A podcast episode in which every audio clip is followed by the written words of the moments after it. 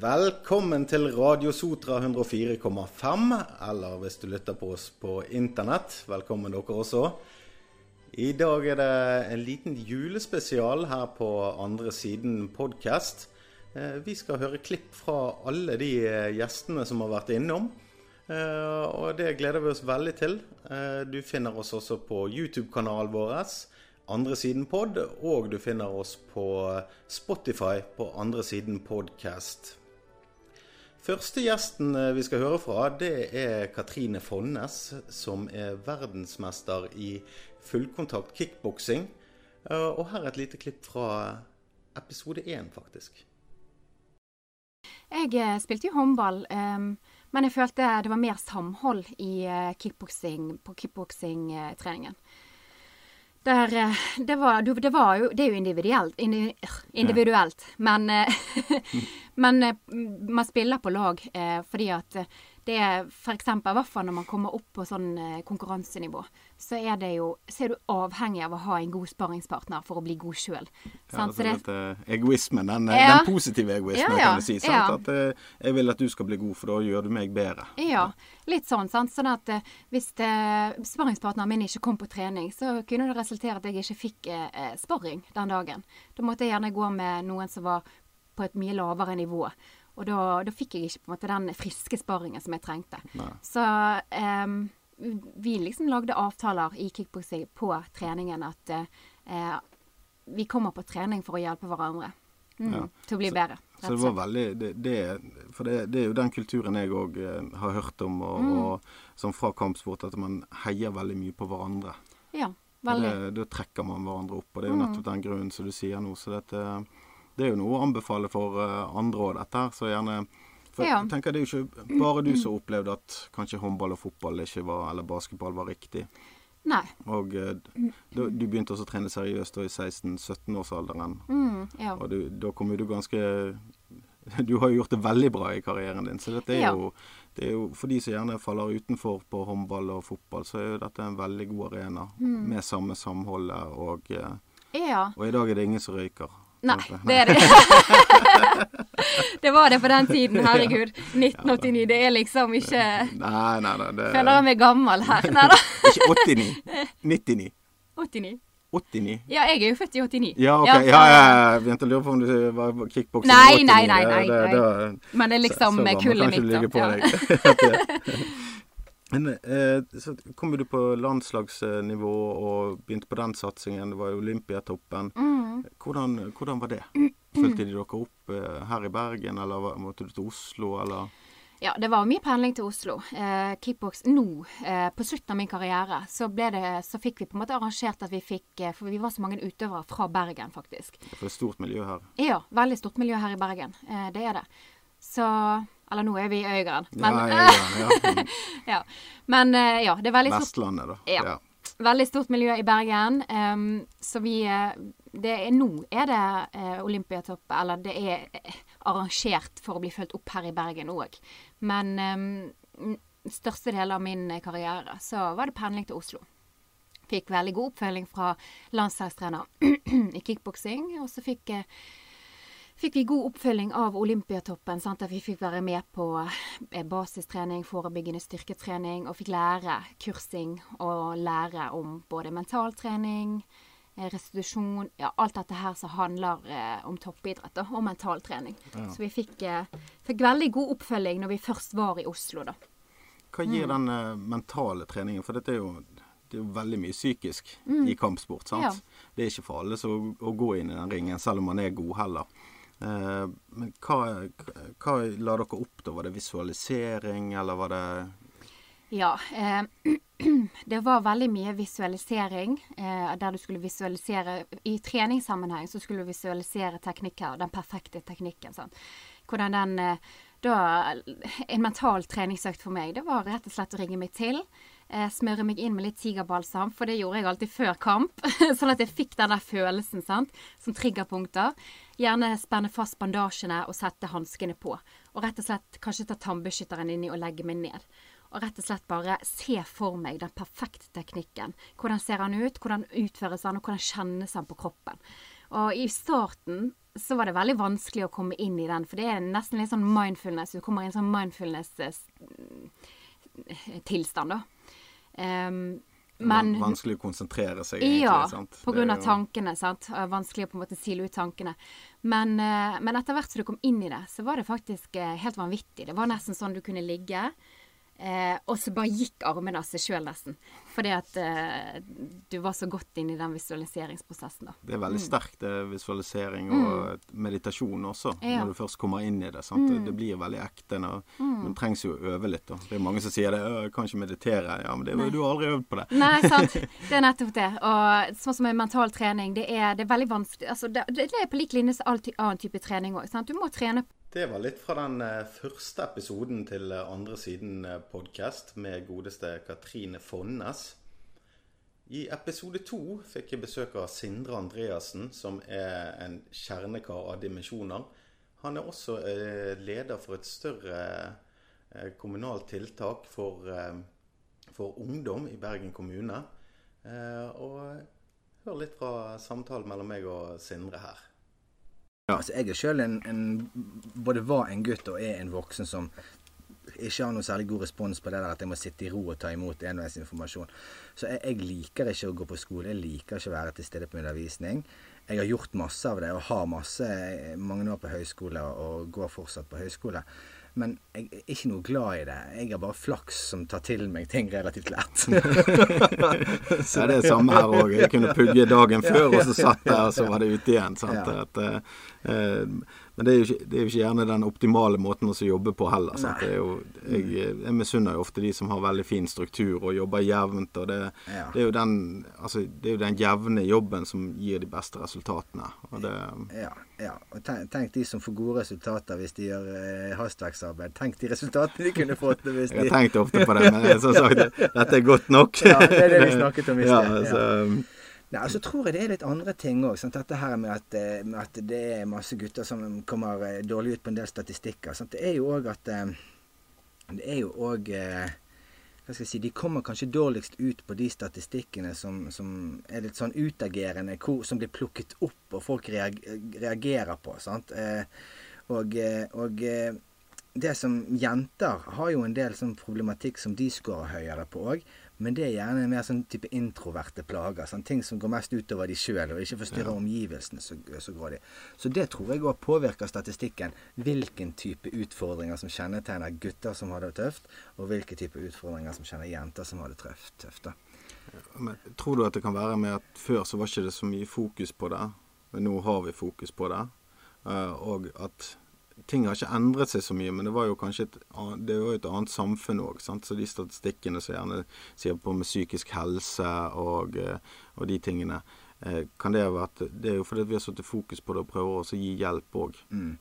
Ja, jeg tror det òg. Og så tror jeg at samfunnet vårt var, var, mer tilpasset. Hadde, hadde en mer raushet i forhold til eh, hva skal jeg si, de som ikke passet helt inn før. Og jeg, og jeg tror jo det at det, sånn, Det er jo sånn klisjé, eller et sånt bilde på det. Dette her med at ja, du ble sendt på båt, og så måtte vaske dørken og litt sånn.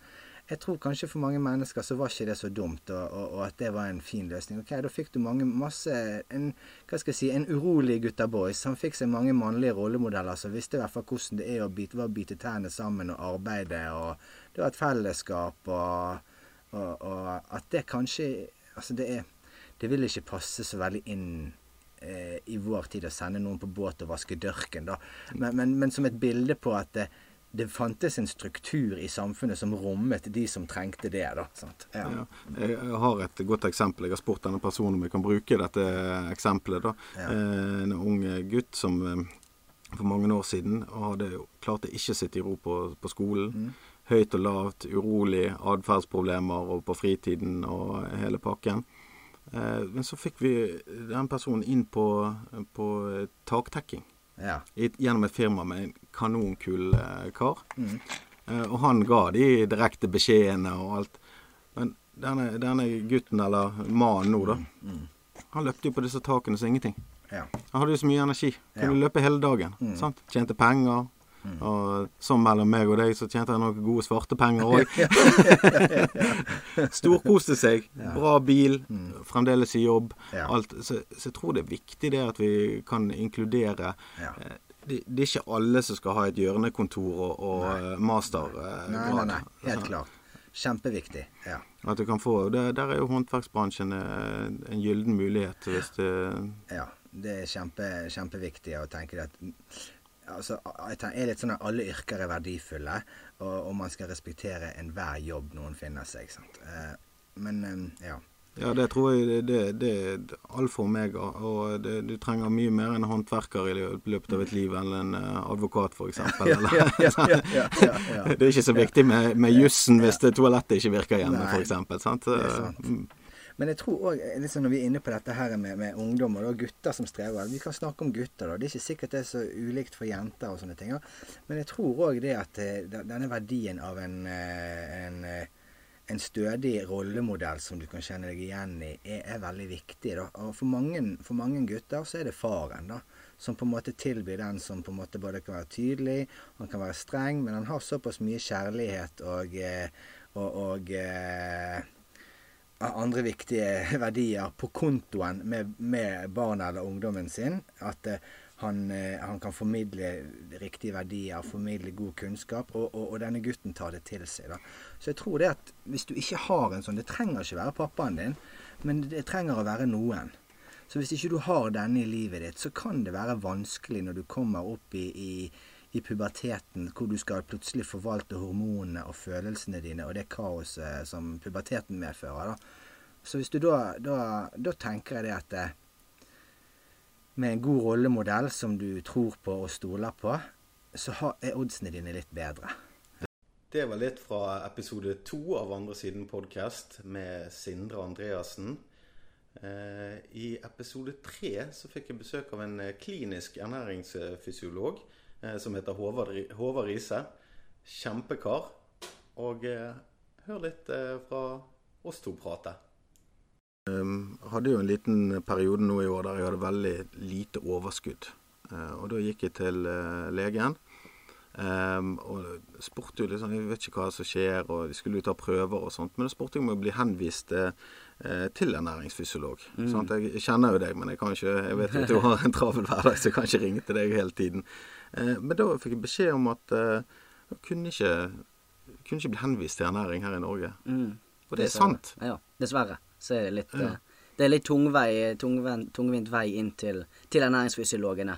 Sånn at det er på en måte stort sett bare de som jobber, eller som er innlagt på sykehus, som har, eh, som har tilgjengelig de ernæringsfysiologene som jobber på det sykehuset. Så dessverre de som enten er innlagt der, eller som er blitt eh, eh, sendt hjem igjen, og så kan få henvisning inn på, på poliklinikk. Så det er veldig tungvint å få, få hjelp av ernæringsfysiologer i Norge, dessverre. Eh, Sånn at eh, det skulle vært eh, lettere tilgang. Det er jo på en måte litt av utfordringen hjemme har ha litt for, eh, litt for få ansatte i den, eh, i den rollen. eh, Og dermed òg ikke nok kapasitet til man kan dekke de som ikke, ikke er inneliggende og som er på en måte akutt syke. Sånn at eh, på en måte befolkningen flest eh, får ikke utnytte den kompetansen som ernæringsforslagene sitter med, dessverre. Mm.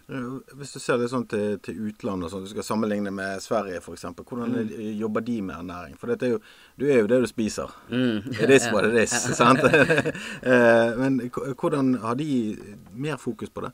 I, I Sverige så er det en litt annen situasjon. De har vesentlig flere ansatte kliniske ernæringsfysiologer. Og det gjør jo òg at tilgangen er mye bedre. Man ser jo både på måte, Bare på sykehusene her i Norge så er det jo mangel på, på ernæringsfysiologer. Eh, det er mange grunner til det, men det gjør jo òg at eh, det ikke er så tilgjengelig verken på sykehuset eller for de som er utenfor. Eh, men i Sverige så har de mange mange flere ansatte i, i den rollen. Og det gjør jo òg at det er flere pasienter som kan få den hjelpen de trenger når det kommer til ernæringsbehandling òg. Sånn at det er jo et arbeid som jobbes med sterkt her i Norge innenfor innenfor de som jobber i, i ernæringsfaget, det er å rett og slett klare å øke antallet som får, får lov å jobbe med det. Eh, Fordi at det er, det er såpass stort, behov eh, og såpass eh, lite ressurser som, som finnes i dag. Mm. Ja, for dere må jo kunne se hver dag egentlig når dere er på jobb at dette hjelper. Og det er jo ikke det er jo ikke gjerne bare de som er tradisjonelle, altså spiseforstyrrelsene, det, det gjelder. Men det gjelder jo sånn som du er inne på hjerte og kar. Og du, eh, ja, det, det er på mange områder. Eh, så hvordan er en jobbhverdag da? Altså, følger dere pasientene eh, fra de kommer inn, eller? Det er på en måte de som jobber som kliniske ernæringsfysiologer på, på sykehus. Eh, de er jo litt sånn, de får henvist pasienter gjerne fra de ulike avdelingene eh, når, de, når måte, de, oppdager at det er pasienter med ernæringsutfordringer. Sant? det finnes f.eks. kreftpasienter eller hjertepasienter eller nyre, lever, all slags mulige sykdommer eh, der ernæringen blir en utfordring, eh, og der de trenger spesialkompetanse for å, for å løse situasjonen bedre. Sånn, da får eh, ernæringsfysiologen en henvisning, eh, og så kan ernæringsfysiologen da følge opp denne pasienten, finne ut hva som er problemstillingen, og hva vi kan gjøre for å, for å hjelpe pasienten best mulig. Eh, og så er det ofte dessverre sånn at eh, når den pasienten da akkurat er frisk nok til å bli skrevet ut fra sykehuset, eh, så ofte da forsvinner litt av den kontakten òg med ernæringsfysiologen, som gjerne skulle hatt litt lengre oppfølging. Sånn, når vi jobber med ernæring og de utfordringene der, så krever det ofte litt lengre tid oppfølging, og vi krever gjerne at vi får, får sett pasienten litt flere ganger, skal vi faktisk klare å gjøre et, et skikkelig godt uh, inntrykk og klare å gjøre gode endringer. Uh, sånn at det er jo litt av utfordringen at vi ikke får fulgt opp lenge nok. At det blir en litt brå slutt på det. Mm. For, for kosthold er ikke quick fix. Nei, det er det ikke. Absolutt ikke. Kanskje derfor det ikke har vært så, altså, så mye fokus på det òg. For det, det, er jo en jobb du må gjøre. Det krever jo ut av den som skal motta hjelpen Da, Mm. Altså, du, du, kan jo ernæring, men mm. du er jo avhengig av at det blir fulgt opp over tid, og eh, ja, at du kan få gi, gi best mulig hjelp. da. Mm. Men jeg tenker sånn i, i folkehelseperspektiv så håper jo jeg at ernæring blir et satsingsområde. For så, sånn som jeg ser det, så Vi vet jo i dag både med psykisk helse og søvn og livsstilssykdommer. Eh, er det sånn som du ja, har møtt i jobb eller møtt i, under skole? Altså, det er jo dokumentert forskning. Mm, altså det I forhold til ernæring og folkehelse så er det jo et, et kjempebredt tema og noe som absolutt burde være mer fokus på. Sånn, vi har jo på en måte to sider av, av saken her i, her i Vesten her i Norge. Det er jo på en måte vi har de som sliter med, med underernæring sant? når vi snakker om, om, eldre og i forhold til sykdomsbilde og sånne ting. Eh, på en måte mange som sliter med underernæring der de ikke får, for nok og riktig ernæring. Og så på en måte har vi eh, den overfloden eh, som er på en måte andre siden av bildet, der vi har eh, i forhold til livssykdommer, overvekt og alle de tingene der. sant? Som vi har på en måte når det gjelder folkehelse, så handler det om å kunne, kunne hjelpe alle i, i, befolkningen med de ulike utfordringene som finnes. Og da er det på en måte masse tiltak som som burde kunne bli iverksatt. Det er jo selvfølgelig å ha folk tilgjengelig, og folk som, som kan hjelpe og kan bidra til den enkelte. Eh, så er det jo òg selvfølgelig en del politikk oppi det hele, med, med det som gjøres fra, fra, toppen av og ned. Eh, der man skal tilrettelegge for at folk kan ha en helsefremmende livsstil over tid. Sant? Så det er mye, mye som spiller an på akkurat det.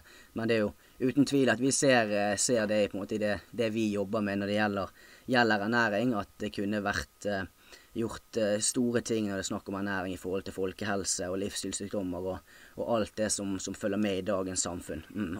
Alltid hyggelig å få prate med Håvard Riise, klinisk ernæringsfysiolog og uh, personlig trener. Fra en uh, personlig trener til en annen så fikk jeg med meg tidligere toppidrettsutøver i to grener, Marius Kristiansen utrolig hyggelig prat med han og, og lærerikt. Eh, og det kan du høre litt av her.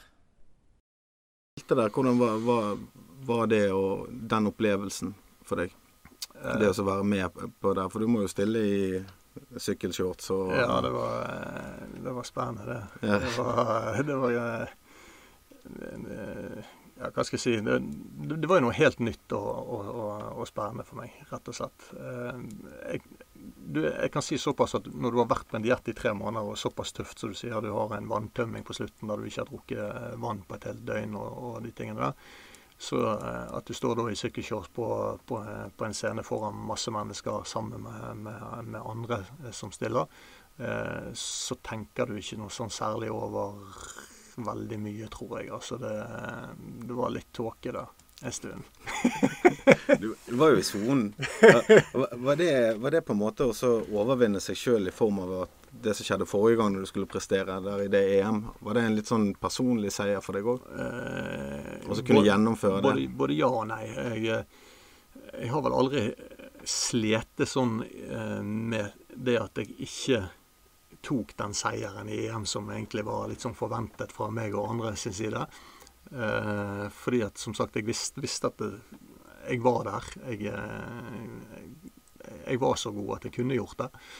Eh, men jeg så heller mer en stolthet over det jeg hadde gjort som junior. Altså, du ser jo tilbake igjen på at, at det, ikke, det er ikke en feil gjøre alt det du har gjort de siste årene, men du, du har faktisk stått i noe som andre kan bare drømme om å, å gjøre. Uh, og opplevd fantastisk mye kjekt. Uh, sånn at du har masse masse gode minner ifra det òg. Men, men der kom det på en måte sånn at OK, dette holder på en måte. så ja, det var det å gjøre den, den andre biten og, og, komme i mål der. Eh, det føltes godt, og det var selvfølgelig eh, en ny eh, greie i livet mitt, på en måte. Ja, det å utfordre seg sjøl. Men det er en fascinerende tankegang, Marius. Altså, det, det å ikke se tilbake igjen på det som et nederlag, men se, se, det på en læring, og så være takknemlig for, for alt det, den idretten har gitt deg, og alt du har gitt til idretten, sant? og det som formet deg. Eh, veldig mange ville jo gått i den fellen og så tenkt på åh, det gikk til helsike, sant. Mm. Og sitte og angre og ja, analysere og sånt. Men også akseptere det, og så se at det var det. Og gå videre til en ny utfordring. Det, det er utrolig sterkt. Og det er jo sånne ting som inspirerer meg. Eh, og så jeg jobber med mennesker som gjerne har det veldig tungt. Og få være med i den endringsprosessen der. Eh, og så kunne akseptere og gå videre.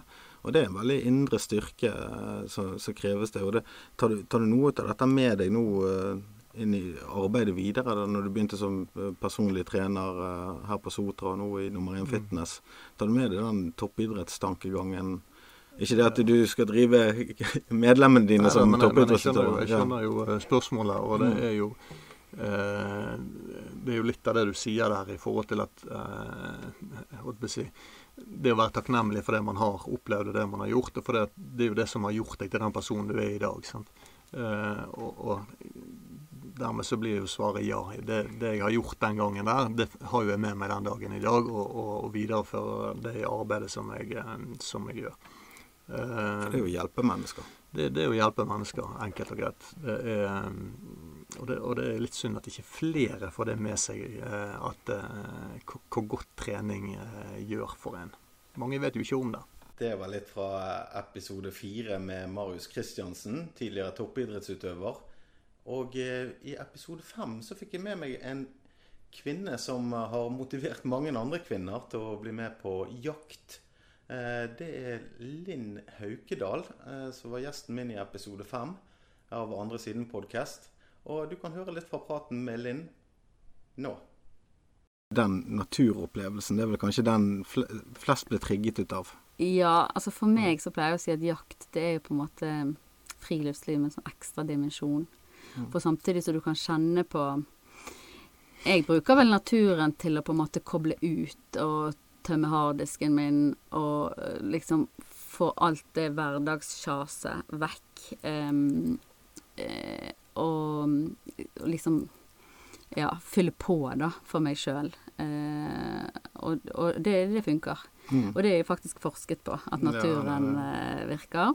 Det er jo der vi kommer fra. Ja, det er jo der vi kommer fra. det å gå rundt i en betongjungel er vel kanskje ikke det, det, det, som gir mest energi. Altså, det er noe med å være stillheten og inntrykkene og fargene i skogen. Og, ja, ja altså folk er sikkert forskjellige, men for meg så funker det sånn. Um, og så tror jeg at det ligger litt sånn i instinktene våre. Sant? At det der å på en måte jakte Tenk så mange tusen år vi har holdt på med det. Mm. Um, samtidig så du kommer veldig nært på naturen på en helt annen måte. Veldig mange har jo kanskje ikke sett en rev eller en hare på nært hold, men når du sitter dønn i ro på post, så kommer dyrene så nært deg, og det er megafascinerende å se. Mm. Eh, for det er noe helt annet enn å se det i Dyreparken eller altså Her er de i sitt element. Ja, eller på TV. Jeg elsker jo de naturprogrammene, ja. sant? men uh, her får du naturen på Her får du liksom real life, og det mm, det gir en helt annen sånn bevissthet, og det mm, veldig sånn beroligende. I begynnelsen så Jeg er jo litt så rastløs sjel, og, og sånn så jeg tenkte liksom skal jeg sitte der i tre timer og glo ut på en myr, hvordan skal jeg Men etter hvert så lærte på en måte kroppen min og hjernen min at det her er jo me-time. Jeg må jo bare slappe av, kule ned. Eh, la liksom tankene bare fly utover den myren. Det blir nesten sånn eh, meditering. Det er jo nesten det. Og så jeg sier at samfunnet i dag, hvis vi skal si litt om det der hamsterhjulet, sant, så spiser jo jobb, unger, sosiale medier, internett så mye tid. Ja, for det er mange som sier òg at de ikke har tid, men jeg tenker jo sånn på, på jakt og sånt. Du har jo tid hvis du er fem timer på Facebook, Ja. eller Mm. du ser på Netflix. mm. Så du har jo tid, men det er jo det å gi seg sjøl tid. Og det, du fikk jo litt eh, ekstra tid og gjorde noe bra med den. Og det er jo det at ut av noe vanskelig, så kan det komme noe godt òg. Ja, Ja. sant. Og det eh, Og så tror jeg at for alle, nesten uansett hva form du er, og hva bakgrunn du har, så tror jeg jo at det å være ute vil utelukkende gi noe positivt. Selvfølgelig du vil fryse på føttene en gang, og du vil bli våt, og, du vil, og jeg òg blir sur hvis jeg fryser og er sulten samtidig. Altså, jeg er jo bare menneske, jeg òg. Men jeg tror at du angrer aldri på en tur i skauen, da. Nei, du angrer på den du ikke tok. Ja. Men ikke det litt ut av det der at man blir våt og man blir sur? ikke det litt av opplevelsen? For meg så er det det å vinne over seg sjøl. Altså du, du sitter deg ut i en drittsituasjon. OK, nå er det sånn og sånn.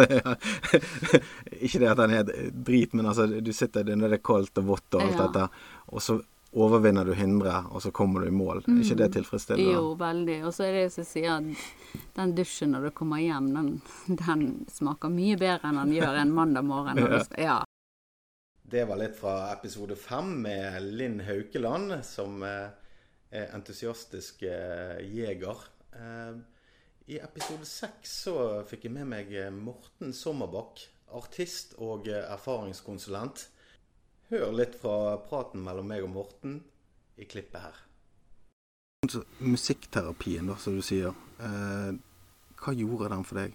Spesielt det vendepunktet som du har fortalt meg om en gang. Det var veldig sterkt. Ja, altså, For å si det sånn, når, når, til å begynne med så, så var jo det at jeg kom inn i, i dette her, vi begynte å ha konserter og foredrag. Jeg fortalte hvordan det var å være rusavhengig. Og jeg husker etter første konserten så fikk jeg så mye skryt, skjønner du. Og for meg så var det balsam for sjelen. Det var liksom noen som skrøt av meg og ting. Jeg kunne noe, jeg mestret det. Og det var den mestringsfølelsen, for å ta det sånn kort og greit, og som gjorde at jeg fikk mer smak. Og jo mer jeg fikk av denne mestringsfølelsen, jo mindre hadde jeg lyst til å ruse meg. Eh, Jeg skal ta et fort eksempel. Hvis du har en kopp som er fullt her med, med kloakk eller grumsete vann, for å si det sånn, og fullt i drit, og så skal du helle vannet oppi sakte, sakte, men sikkert, er du med, hva jeg mener? Det, det går seint, men det er mye bedre metode enn å helle alt dette her ut, som folk gjør. De tenker og rusen er problemet, så tømmer vi den koppen, og så skal du helle vannet opp, så fylles det like seint opp med ting skal fylles opp igjen. Men nå vil du hele tiden ha den tomheten der i det glasset, den tomheten inni deg. Og den tomheten gjør ofte at folk søker tilbake inn til rusen. Hvis du ikke fokuserer så mye på det, som det var for meg med musikkterapien Man fokuserte, på mestring, det som gjorde deg glad, det du fikk til. Så var det ikke det at jeg måtte slutte å ruse meg. Det var ingen som forlangte det. Så for meg ble det da som at man heller friskt vann oppi koppen, litt og litt og litt, og da renner dette her grumsete ut. Og det tar lang tid, men jeg kjente ikke på den tomheten. Jeg kjente bare på at vannet mitt ble klarere og klarere og klarere. Helt til en dag så bare var det rent. Nydelig. Det er derfor du er en storyteller. Det er den, mestringen. Og jeg tenker dette er for Om det er avhengighet, så er jo mange former. Noen er avhengig av uh, ulovlige substanser. Noen er avhengig av telefon. Noen er avhengig av mat, røyk, Facebook. Uh, Facebook you name it. Ja. Uh, og eh, all endring er jo på mange måter det samme. Du må helle oppi det vannet Mm. for å få vekk grumset. Men nå må du helle oppi med noe du vil ha. Og da vil jo du ha rent vann, da. Sånn som det er Ja, altså- ditt, eh, altså ditt eh, eksempel der. Hvis jeg skal gi ett råd til noen, så er det slutt aldri med noe. Begynn med noe. Og jo mer du begynner med noe, så forsvinner det andre. Da føler ikke du en tomhet av å slutte. Da forsvinner bare det av seg sjøl. Du har liksom ikke sluttet. Du begynner med noe nytt.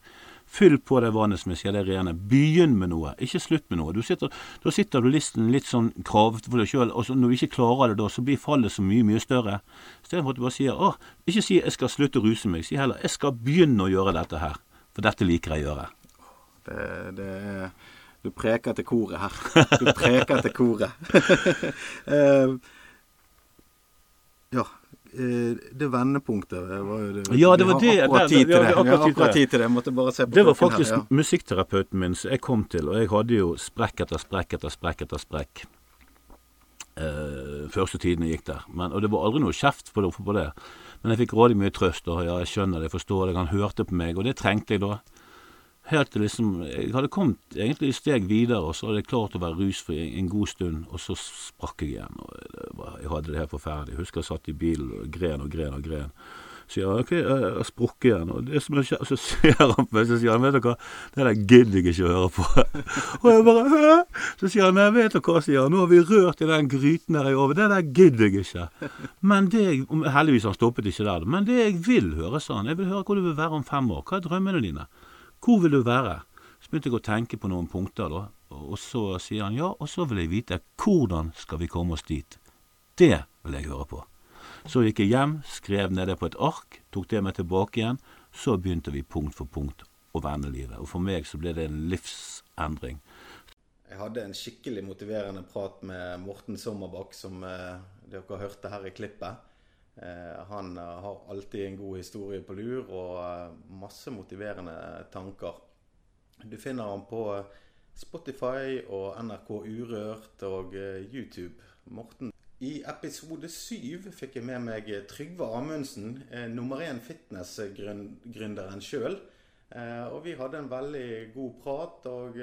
Vi kom jo selvfølgelig inn på litt om smittevern og tanker rundt denne pandemien vi står i. Hør et lite klipp fra episode syv med Trygve Amundsen. Veldig rart at du kan gå og ta deg en øl, men du kan ikke gå på trening. Det, det, det harmonerer ikke bra for de Nei, fleste jeg prater med. De som jeg snakker med, lurer på hva, hva er det som skjer her. Det, det er ikke rasjonelt. I Oslo så stengte man da ned eh, nærmest alt. I Bergen så har de altså valgt å holde eh, barer utseende åpent, eh, dog under strenge restriksjoner. Jeg syns veldig synd på de også. så Ja da, jeg, det er det jeg mener. At det er veldig omtanke for, for de, så det er ikke det at det, det er ikke noe for å snakke ned de, men det, det er bare Sette prioritering konteksten mot, mot opp. opp mot hverandre. Ja. Og når Bergen kommune appåtil greier å begrunne avgjørelsene med psykisk helse, at det er viktig at arenaen der folk skal møtes i en tøff tid, så da, da måtte jeg riste på huet. Eh, For det er jo nettopp det vi er. Det er også Helsedirektoratet eh, har jo eh, også gått god for treningsbransjen opp gjennom at vi er en viktig folkehelseaktør. Eh, Så den skjønner jeg overhodet ikke. Og jeg, vi prater med så mange kunder. Uh, nå er det på Soterdag og Vestnytt hadde jo en eh, fantastisk flott artikkel, Synes vi, da, for noen, dager siden, og der de intervjuet eh, fire kunder. eh, Hvorav tre av de var medlem hos oss. Eh, hun ene het eh, Berit, hun var 82 eh, år gammel. Og, var dårlig til beins, astma. Og da hun forteller hvor viktig treningssenteret er for henne.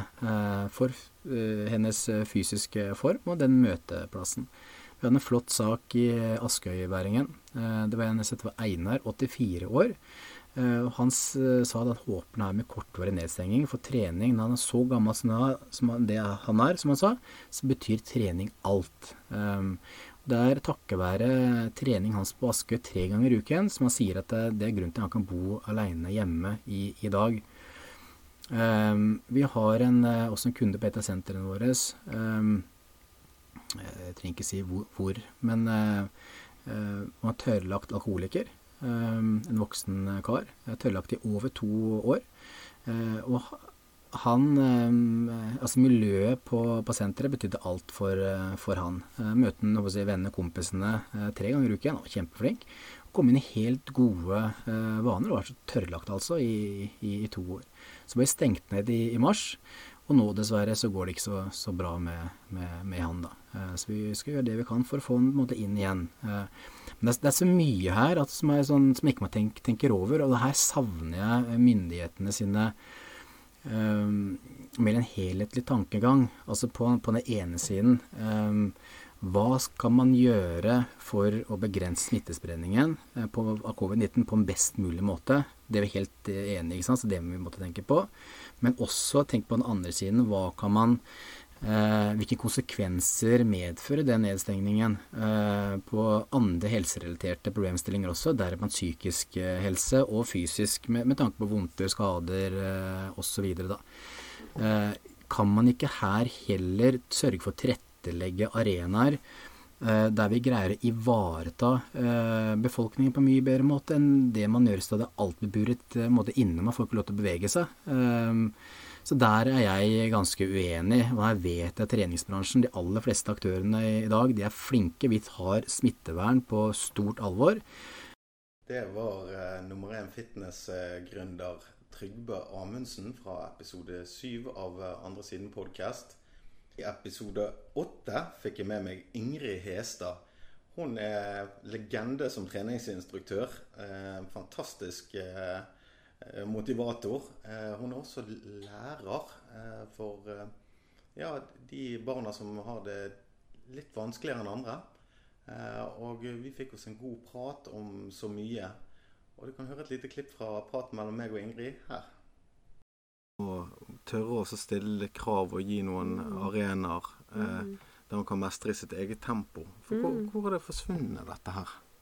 På, på et vis. Altså, jeg tenker nå eh, hvor tid, eh, Det er jo lett for mange gjerne å tenke ja, men jeg skal bare gå denne turen, hvorfor gjør ikke du det? Eh, men det har vært et sånn generasjonsskille der, eh, med at vi faktisk må lære oss på nytt igjen, da. Ja, jeg tror det handler om mange ting. Jeg har jo ikke noe fasitsvar på noe av det du spør om nå. Nei, men jeg nei, jo, nei, men vi har lov å snakke om det. jeg har jo ja. ekstremt mange tanker om det. Mm. Eh, og jeg tror jo at det har skjedd noe på veien, og det har skjedd en endring i samfunnet som har vært så eh, brå på mange måter. Hvis man ser tilbake til bare våre foreldre og besteforeldre igjen, da, var- da var det krig i landet. Og så har vi generasjonen våre foreldre, og så har vi generasjonen oss, og så har vi våre barn. Og det har skjedd vanvittig mye på kort tid i samfunnet, både når det kommer til sosiale medier og press og travelhet, og det å måtte stille opp. Eh, bare når jeg var liten og gikk på håndballtrening, så gikk jeg.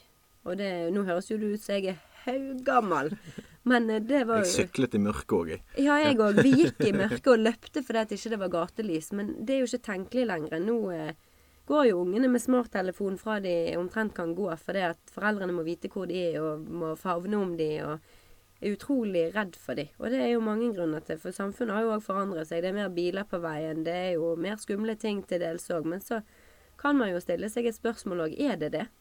Eller er det skjedd noe med oss? Og må vi eh, stoppe opp litt og tenke over hvordan vi ønsker at våre barn og generasjonene frem i tid skal få det, da. Og hvordan de skal bli. Jeg tenker jo sånn, jeg er jo veldig, eh, som, som mange foreldre, veldig overbeskyttende og, og eh, har lyst til å passe på. Men jeg tenker det er veldig viktig for meg å påminne meg om at det er ikke mitt liv. Mm. Sant? Det er ikke jeg som skal leve livene for barna. De er nødt til å så ut i verden. Og vi er jo veldig trygge og gode. Det er jo et trygt og godt samfunn vi lever i. Eh, selvfølgelig er det farlige ting. Men eh, det, det å så frata mestring, det er veldig farlig. Ja, det er det. Hvis jeg gjør ting. Og det Jeg vet ikke om jeg, det, Et eksempel på det, det var sånn jeg hørte Hvis folk begynner å få Alzheimers eller blir dement, Mm. og hvis de klarer å finne frem bestikket og tallerkenen sin sjøl Mm. hvis, det, hvis noen begynner å gjøre det for dem, Mm. så glemmer de det. Mm. Sant? Og det er egentlig den samme måten for barn. Hvis du, du kan dekke på sjøl. Mm. Det begynner der. Altså, ja, du kan komme deg til trening sjøl. Du, du kan ringe og så avtale med kjøring. Eh, altså, alle de mikroferdighetene. Du må ikke frata de og så overstyre hele greiene.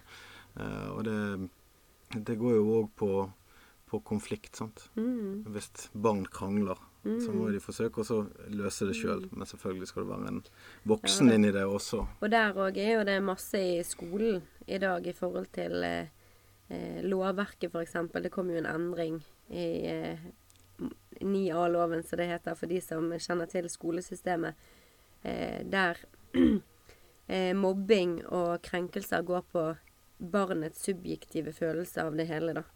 Eh, og der har det vært masse i media og i forhold til lærernes beskyttelse oppi dette. For det at veldig mange lærere, de skygger banen. For det at det er jo vanvittig mange saker i dag, og som lærer i et klasserom så har du ordene dine.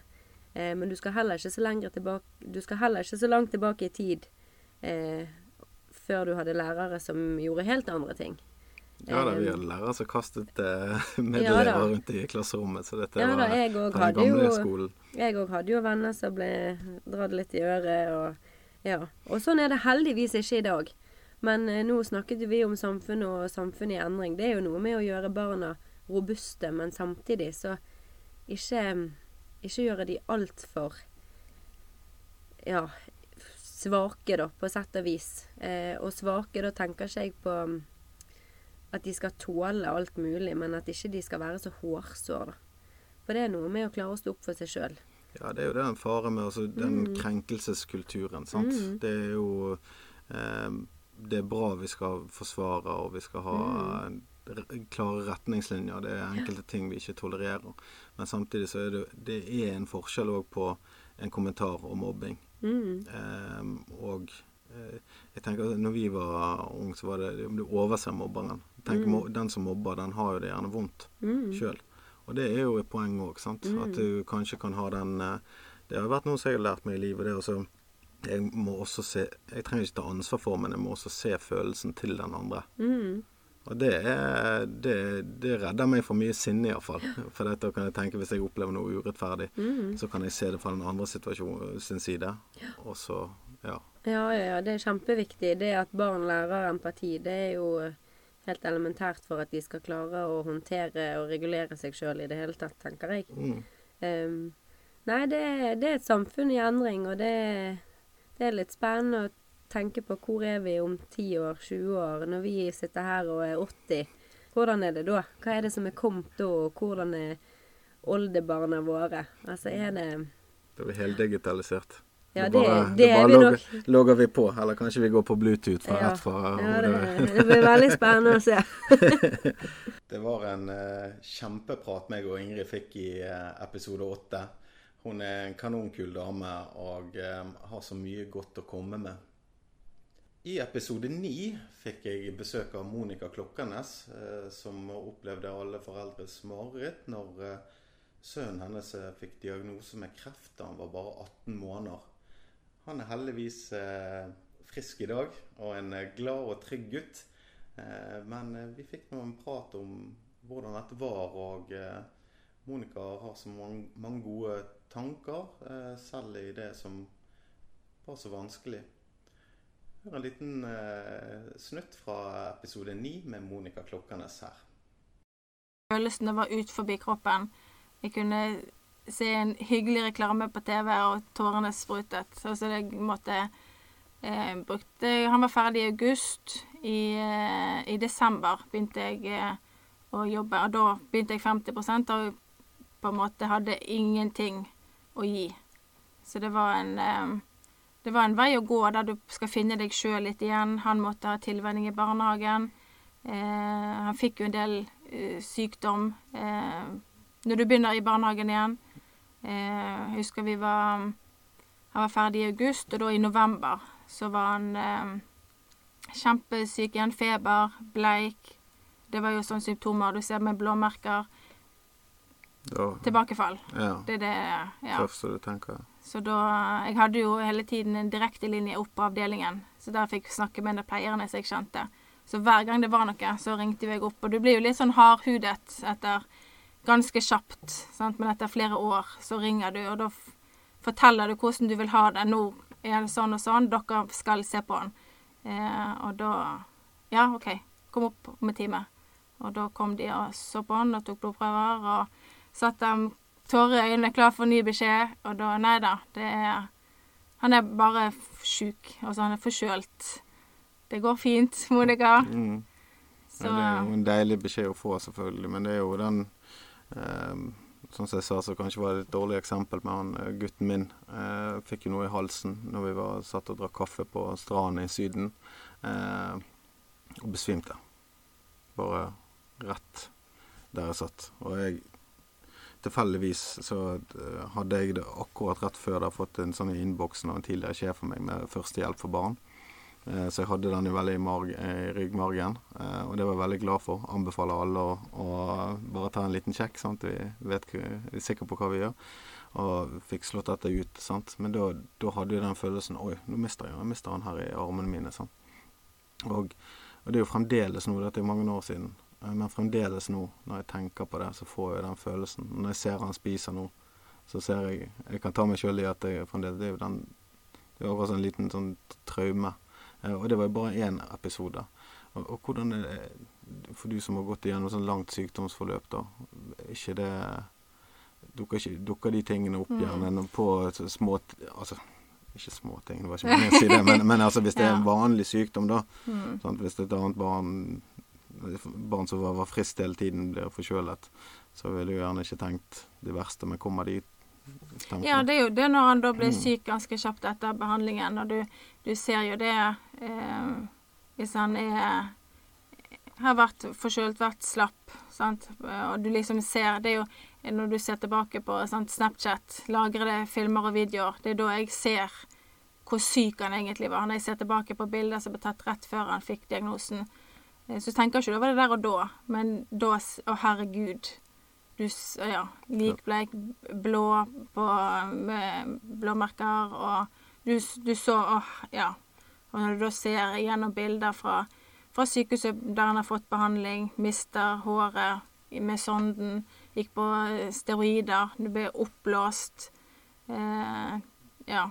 Men akkurat, akkurat der og da så liksom vet du bare det at OK, nå, nå får han den behandlingen, da får han smerter i beina, nå får han steroider, OK, da blir han oppblåst, han blir sint, han blir sulten. Eh, ja. Så ja. Ja, Du får litt medisinsk kunnskap underveis her. Ja. Masse trombositter, og det er leukositter, nei, det er mye. Du blir, du blir en sykepleier. Det var eh, sterkt å kunne prate med Monica eh, i episode 9. Og tusen takk for hun kom og delte dette med oss. I episode 10 så fikk jeg med meg eh, eh, kjernekar eh, Robin Dale Oen fra Dale Oen Experience og Dale Oen Academy.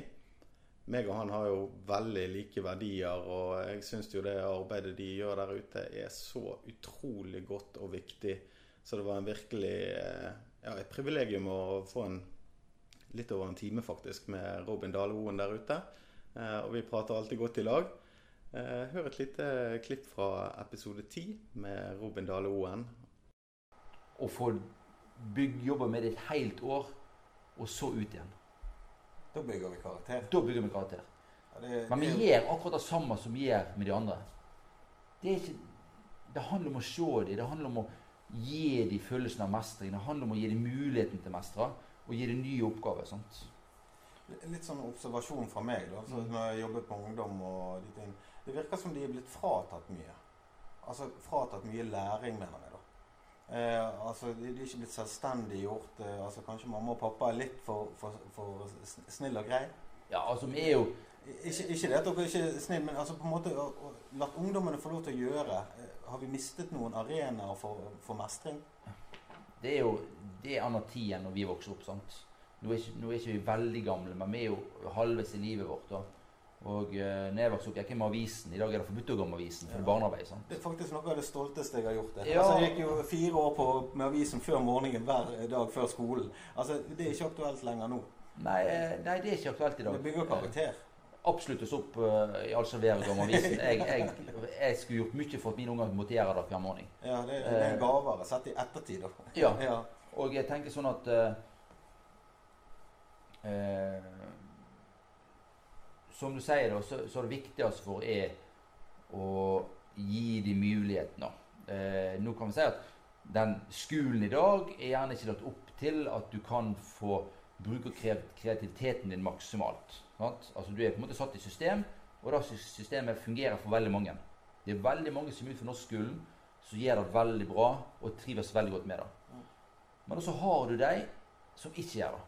Og de faller ut forbi. Og de har ingen nett som tar vare på seg. De er i et vakuum. Og da så vi at de vil vi hjelpe inn igjen. Én ting er at vi kan med det arbeidet vi har vist fungerer med ungdommen, at vi kan eh, Det koster store summer i året eh, per ungdom som går hjemme. Millioner. Eh, og vi kan få dette til for noen hundre tusen per ungdom i året. Ja, Og jeg- hindre det frafallet. Og jeg var jo solgt fra begynnelsen eh, når vi har vært der etter å pratet med dere eh, den gang. Eh, for jeg vet at dette fungerer. Og sånn som du sier, det dyre. Altså, jeg har jobbet eh, innen barnevern i seks år. Ja. Og det er jo akkurat dette vi tilstreber og jobber for. Ja. Der. men også kunne jobbe så og gå så i dybden og ha den omsorgen og bygge det teamet. Ja. Eh, jeg tenker jo litt på, på militæret. Eh, jo ikke at det er militæret, men Nei. det at vi har mistet mestringsarenaer. Jeg vet jo at Ja. du har vært i militæret. Jeg jobber fortsatt i Forsvaret. Du jobber fortsatt i Forsvaret. ja, sant? Eh, men jeg tenker på den førstegangstjenesten. Det, er, det blir jo det mindre og mindre ut av, og mindre plass eh, til folk i førstegangstjenesten. Det er jo en slags dannelsesreise. Det er dannelsesreise, Ja. Uten tvil. Og du har Eh, mistet det. Det er en arena som har forsvunnet. Og vi, vi trenger jo må jo, Ungdommer må jo ut på eventyr. De må jo Ja, gjøre noe. De må jo sant. utfordre seg sjøl og, og finne ut av tingene. Det er jo sånn de lærer hvem de er. Ja, og prøve og feile, sant. Prøve og feile. Eh, det som vi syns er viktig, og det vi brenner for, er at de lærer å prestere sammen. For i dag det er en gang sånn at du er flink til å gjerne skrive, jeg er flink til kanskje å lese, noen er flink med nevene, noen er flink med beina, eh, noen ser det større bildet. Eh, du får ikke ting til alene i dag. Det, det er veldig vanskelig. Eh, og, men det er så utrolig mye gøyere å få det til sammen. Da. Og da lærer de til at, å innfinne seg med at, hva egenskapen har, hva talentet en har, eh, hvordan anvende de egenskapene en har. Da. Og når vi lager de eh, klassene, kullene våre på akademiet, så er, har de helt forskjellige egenskaper alle sammen. Men de må gjennom et, et, et år der de blir kjent med sine egenskaper, blir kjent med sine kvaliteter, men også kjent med sine utfordringer. Sine, sine gode sider, sine svake sider, de utfordrende sidene sine. Eh, og deler de med resten av gjengen. Det var litt fra episode 10 med Robin Dale-Oen. Da var vi faktisk ute på Dale-Oen Academy eh, og spilte inn denne episoden. Så i episode 11 fikk vi besøk av eh, to turglade damer. Lisbeth eh, Stender og Siri Otterskred. De er frivillige i foreningen Medvandrerne. Og går ukentlige turer der de inviterer med seg en flokk, som de sier. Der er spesielt rettet mot mennesker som har hatt litt utfordrende liv og utfordrende livssituasjoner. Hør litt fra episode 11 i klippet her. Vi mistet jo en, en medvandrer. Eh, og så fikk vi beskjeden mens vi var på tur en torsdag. Og da gikk jo bålpraten på å snakke og mimre og eh, ja, glede oss over de fine minnene vi hadde sammen med personen. Og det var tårer, og det var latter, og det var Så det er jo det, er jo det vi ønsker å oppnå med bålprat, og som foreningen ønsker å oppnå. Det er at når det er ting, så skal dette være en fin arena å kunne snakke om det. da. Når man sitter rundt der, så skal det være helt naturlig at man plutselig har behov for å snakke om ting som er kjempetungt. Og så er ikke det alltid vi gjør det, for det er ikke alltid det, det er ikke alltid det er behov for det, eller det, folk føler ikke for det. Og det òg er jo en del av, av bålpraten. Det skal ikke være så høytidelig. Det er vel det der at hvis det er behov, så skal det være trygt og godt, da. Ja, ja for dette er jo Jeg tenker jo kanskje dette er den gode Det, det er en sånn god stund. sant? Og positivitet og is og, eller kakao eller em, ja, og kos. Og da er det kanskje ikke så tungt. Kanskje det som bidrar til at det ikke blir. sant? Men, men de gangene hvis noen mennesker har behov for å dele, så kan man ha en liten sånn samtale rundt der og, og stjele litt impulser fra hverandre og få litt energi og perspektiv. da. Ja, Det er jo veldig, veldig godt. Eh, Men sånn, dere går opp på de turene. Jeg har jo fått være med på, på tur med dere. Eh, Det er veldig mange gode samtaler på den turen. Mm. Hvordan eh, er det? Altså, har ikke dere det Det er jo utrolig morsomt, da. Ja. Og så får du høre helt andre ting enn vanligvis. Jeg ser du ler, Siri. Jeg tror det, det er masse forskjellige samtaler, og humoristisk og trist og flott og alt sånt. Det er et veldig vidt spekter. For jeg føler at dette med relasjoner over tid, sant? trygge, gode relasjoner, folk åpner seg opp og kan snakke om det som faller deg inn. Så eh, det er bare helt eh, nydelig å ja, høre på. Men eh, ja, nei, eh, samtalene oppover, det er ja, alt mulig. Og jeg, ja jeg Det er jo så utrolig viktig med det vi holder Mm. på med òg. At det er jo gjerne Det er gjerne der de skikkelig dype samtalene kommer. Og det som jeg elsker med disse samtalene, er at plutselig går man og snakker med den om ting som er kjempevondt, og så kommer det en Mm. til som ikke er klar over at vi snakker om det. Og så plutselig er stemningen noe helt annet, uten at det er eh, At den, noen blir fornærmet eller syns at det er kjipt at det blir sånn. Det er bare og så plutselig står man og ler. Man har nettopp I forrige sving opp til Fløyen så, så var det nesten tårer i øynene, og det var kjempetøft. Og så kommer det en eller annen bakfra, og så blir det latter, og så blir det bare gøy. Um, og så plutselig er man tilbake igjen. Så det, det er sånne Det er så uh, ekte, og det er så uh, her og nå, da. Det er akkurat det man føler for, og det er akkurat den deg det jeg har lyst til å dele det med, eller den jeg har lyst til å dele det med, eller Altså, det er det er så verdifullt, da. Det var en herlig samtale å ha med to turglade damer, Siri Otterskred og eh, Lisbeth Stender, i eh, episode 11 av Andre siden podkast. For de som eh, har lyst til å vandre med Siri og Lisbeth, de kan enkelt finne foreningen Medvandrerne på Facebook. Sjekk det ut. Det er alltid plass til folk på tur. Det var alt fra eh, Andre siden podkast for i dag. En liten julespesial med små klipp fra alle de elleve første episodene. Neste uke er jeg tilbake igjen med episode 12, og da kommer eh, Roar Doksæter i studio.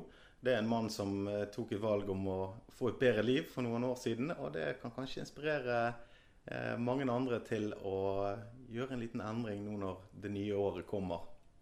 Den kan du høre på lille nyttårsaften, og du kan også høre alle episodene på Spotify, andre siden podcast. Og du kan se, se faktisk episodene på YouTube, YouTube-kanalen Andre siden pod, så ligger de der.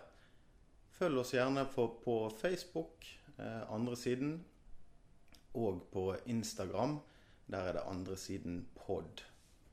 Tusen takk for at uh, du lytter, og ønsker alle en riktig god jul. Og uh, ta vare på hverandre.